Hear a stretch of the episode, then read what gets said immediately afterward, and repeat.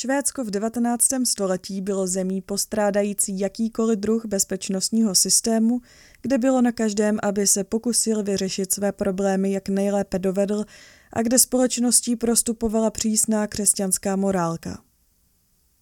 19. století bylo neúprosné a tak lidé začali přemýšlet, jak si co nejrychleji a nejjednodušším způsobem vydělat nějaké peníze. Takovým jednoduchým výdělkem, aniž by doopravdy vykonávali nějakou fyzickou práci, byla péče o opuštěné děti.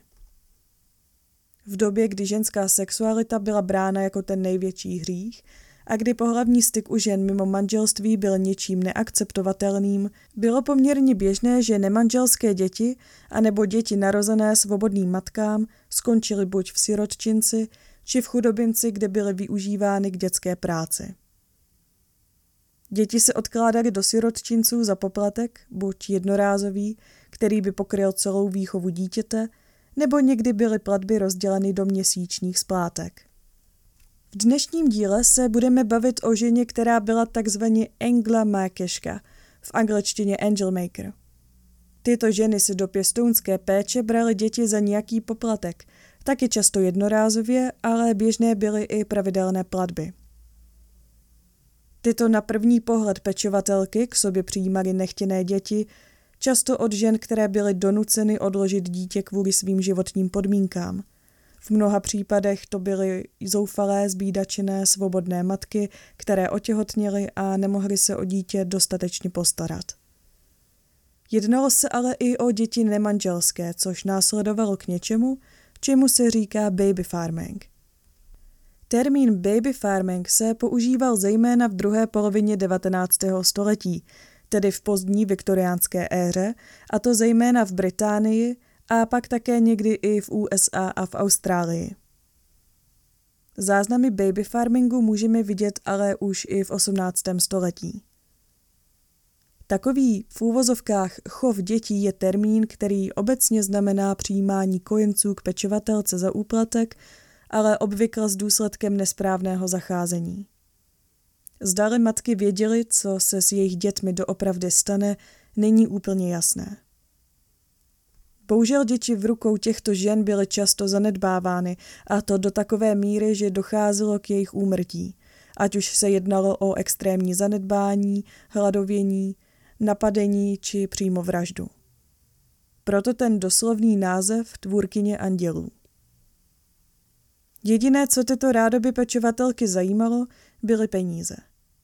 K úmrtí dětí docházelo zejména v případě jednorázových pladeb, protože se jednalo o docela malé částky a podle těchto žen tak malá platba nemohla dlouhodobě pokrýt péči o dítě a hodně žen děti přijímalo do péče se záměrem je zanedbávat či rovnou zavraždit.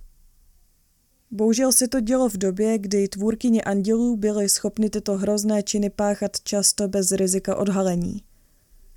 Kontrola autorit byla při nejmenším sporadická a nebo v jiných případech celá nulová. Tento případ může být velice citlivý pro některé osoby a také není vhodný pro posluchače mladší 18 let. Jak už vám asi úvod napověděl, tento případ totiž bude o vraždách dětí.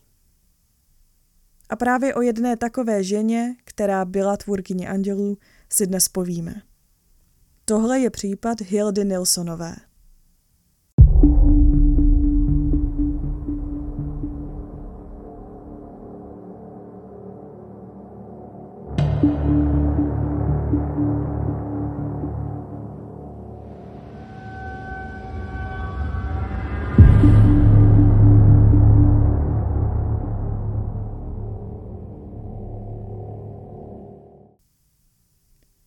Nilsonová se narodila 24. května 1876 ve vesnici Turip na jihu Švédska. Rodina Hildy nebyla moc bohatá a byli řazení spíše do dělnické třídy, ale rodina to byla údajně milující. O Hildině dětství bohužel nejsou žádné záznamy a tak se budeme bavit hlavně o jejím dospívání. Jako dospívající dívka se přestěhovala do města Helsingborg za prací. Na konci 19. století, když Hilda byla ještě dospívající dívka v pubertě, se zamilovala a otěhotněla. Chlapec ale s dítětem a ani s Hildou nechtěl mít nic společného a tak se život Hildě poměrně zkomplikoval. Jako následek jejího těhotenství mimo manželství byla vyhozena z práce. A když Hilda porodila, dítě bohužel krátce po narození zemřelo.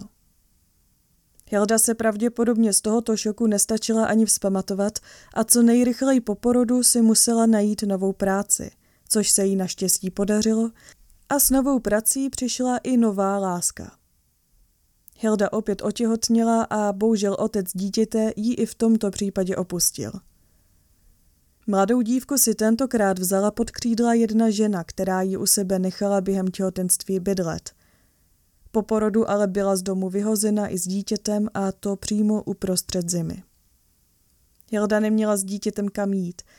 Procházela si společenskou ostudou a o svobodné matky to v této době opravdu lehké neměly. Hilda a její dcera byly tedy nějakou dobu na ulici. A kvůli nehostinným podmínkám, ve kterých se Hilda se svou dcerou nacházely, obě dvě onemocněly. A bohužel i v tomto případě Hildina dcera zemřela. Aby se Hilda dostala z ulice, musela si najít práci co nejrychleji to šlo. Chodila od domu k domu zoufale hledajíc něco, co by jí vydělalo aspoň trochu peněz. Nakonec se Hilda začala živit tím nejstarším řemeslem a pět let pracovala jako prostitutka. Ale ani tohle nebylo bez následků. Hilda skončila v nemocnici, kde se musela léčit z nemocí syfilis. V roce 1902 se ale na ní usmálo štěstí. Ve svých 26 letech totiž potkává muže jménem Gustav Nielsen – Hasiče s dobrou pověstí a s údivem i bez problémů s alkoholem, jak v té době u mužů z dělnické třídy bylo zcela běžné. Nakonec se vzali a společně se přestěhovali do malého bytu na ulici s názvem Brooks Garten 5. Po nějaké době se rozhodli, že si vezmou dítě do péče a adoptovali si malého chlapce.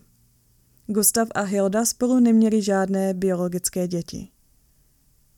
Bohužel zanedlouho Gustav utrpěl poranění oka a už nadále nemohl pracovat jako hasič. Musel tedy změnit práci, kvůli které nosil domů mnohem méně peněz a tím se jim začaly hromadit i dluhy. Hilda ale neotálela a začala se dívat po nějaké práci, která by jim přinesla trochu více peněz do domácnosti. A usmálo se na ní štěstí. V novinách byl inzerát od rodiny, která hledala pěstounskou péči pro jejich dítě za finanční odměnu. Jedno dítě si už adoptovali a šlo jim to docela dobře, tak proč si nevzít do pěstounské péče ještě jedno? Hilda tedy rodinu kontaktovala a později si domů přinesla pěti nebo desetiměsíční holčičku. Matka dívenky žila v domění, že se u Hildy bude mít její dcera dobře – Byt Hildy a Gustafa byl sice malý a bylo vidět, že nemají moc peněz, ale byl vždy uklizený a čistý. Také viděla, že už jedno dítě Hilda má a chlapeček vypadal zdravě a spokojeně a tak neměla o svou dceru žádné obavy. Dívence bylo asi pět nebo deset měsíců a byla poměrně neklidné dítě. Neustále plakala, pravděpodobně kvůli separační úzkosti od své matky, nebo zkrátka měla jen takové období. Její neustálý pláč ale začal obtěžovat sousedy Hildy, kteří bouchali na stěny, aby žena konečně dívenku utěšila. K utišení dívenky nic nepomáhalo a Hilda z toho neustálého pláče byla psychicky vyčerpaná. A zdá se, že v ní dívenčin pláč vyvolal něco, co dovedlo Hildu udělat něco naprosto nepochopitelného. Možná tahle reakce byla vyvolána nějakým traumatem z doby, kdy zemřeli její vlastní děti. Ale ani to přece jen není žádná omluva za to, co Hilda udělala. Jeden den, když byl Gustav v práci a její adoptivní syn si hrál venku, Hilda zrovna koupala dívenku dole v domě v prádelně. Hilda dívenku položila do vaničky břichem dolů a na vrch vaničky položila valchu na prádlo a na to ještě kberík. Počkala, dokud se dívenka neutopila a poté vzala její bezvládné tělíčko zpět do bytu. Později ten den se Hilda vrátila zpět do prádelny s košíkem, ve kterém byl lněný uzlíček, ve kterém bylo zabalené tělo dívenky. Hilda přistoupila ke kamnům, které ohřívaly vodu, a poté do kamen položila tělíčko, aby se zbavila dívčiných ostatků. Tohle byl ale teprve začátek všeho. Hilda se začala dívat po dalších inzerátech v novinách. Zanedlouho u ní doma skončil chlapec, kterého potkal stejný osud jako první dívenku, kterou si vzala do péče. Mezi lety 1915 a 1917 si Hilda do své péče vzala celkem sedm dětí, o kterých víme. A všech sedm dětí skončilo utopených a upálených v kamnech v prádelně. Její manžel Gustav údajně o činech své ženy nevěděl. Pro vraždy dětí si vždy vybrala čas, kdy byl její muž z domu pryč a když se její muž dotázal, kde děti jsou, vždy si vymyslela nějakou výmluvu. Někteří rodiče dokonce po Hildě chtěli nějaké novinky o svých dětech, jak se jim třeba daří a podobně. To ale nevěděli, že jejich děti už jsou dávno po smrti. Hilda si vždy něco vymyslela a rodičům to pověděla nebo poslala dopisem, aby vše ututlala a vyhnula se jakémukoliv podezření. Když někteří rodiče chtěli náhodou své děti navštívit a vidět je, Hilda se začala vymlouvat, že je jejich dítě nemocné a nemůžou je proto vidět. Hilda si pro jedno dítě jela do města Lund, kde jí matka dítěte řekla, že bohužel ještě nemá celou částku peněz a že jí ten den může dát pouze 20 švédských korun, ale že jí zbytek pošle hned, jak bude moct. Hilda si i tak dítě odvezla, ale na hlavním nádraží v Helsingborg měla pocit, že jí žena lhala a byla podvedena. Po návratu domů ve zlosti šla s dívenkou hned do prádelny a ani neodnesla domů. Dívenku utopila a poté položila do kamen. Hilda pak odešla zpět do svého bytu, jako kdyby se nic nestalo. O několik týdnů později matka dívenky volala Hildě, že pro ní má zbytek peněz a že by chtěla dívenku zpátky. Jak se ale Hilda s touto situací vyrovnala, bohužel nikde není. Poslední dítě, které skončilo v rukou Hildy, byl malý chlapeček jménem Gunnar, jehož matka s ním chtěla zůstat v kontaktu a tak Hildě platila o něco více peněz. V roce 1917 Blenda Henriksonová, matka Gunnara, obdržela zprávu od Hildy, že se rodina Nilsonových bude stěhovat a že její syn bude v péči Hildiny sestry Anny ve městě, které se nacházelo na druhém konci Švédska. Až na takový malý detail, že Hildina sestra Anna neexistovala. Blenda Henriksonová se snažila aspoň zjistit novou adresu, kde se její syn bude nacházet, ale žádné odpovědi se nedočkala. A tak se rozhodla, že se za Hildou do Helsingborg vydá sama. To ale Hilda nečekala. A když Blenda Henriksonová chtěla svého syna vidět, Hilda jí řekla, že Gunnar zemřel u její sestry. Blendě Henriksonové Hilda neřekla ani to, kde byl její syn pohřben, ani poslední adresu, kde se měl chlapeček nacházet. Blendě to ale přišlo celé takové podivné a doufala, že se jednou jednalo o nějaké nedorozumění. Blenda Henriksonová napřed kontaktovala faráře ve městě, kde se měl Gunnar naposledy nacházet, ale farář o žádném pohřbu nevěděl. Nakonec šla na policii, kde na Hildu Nilsonovou upozornila, že by se na její biznis měli trochu podívat. Zanedlouho byli Hilda a Gustav Nilsonovi předvedení na policejní stanici k výslechu, kde ale Hilda všechno popřela a řekla, že si děti odstěhovali k jiným rodinám.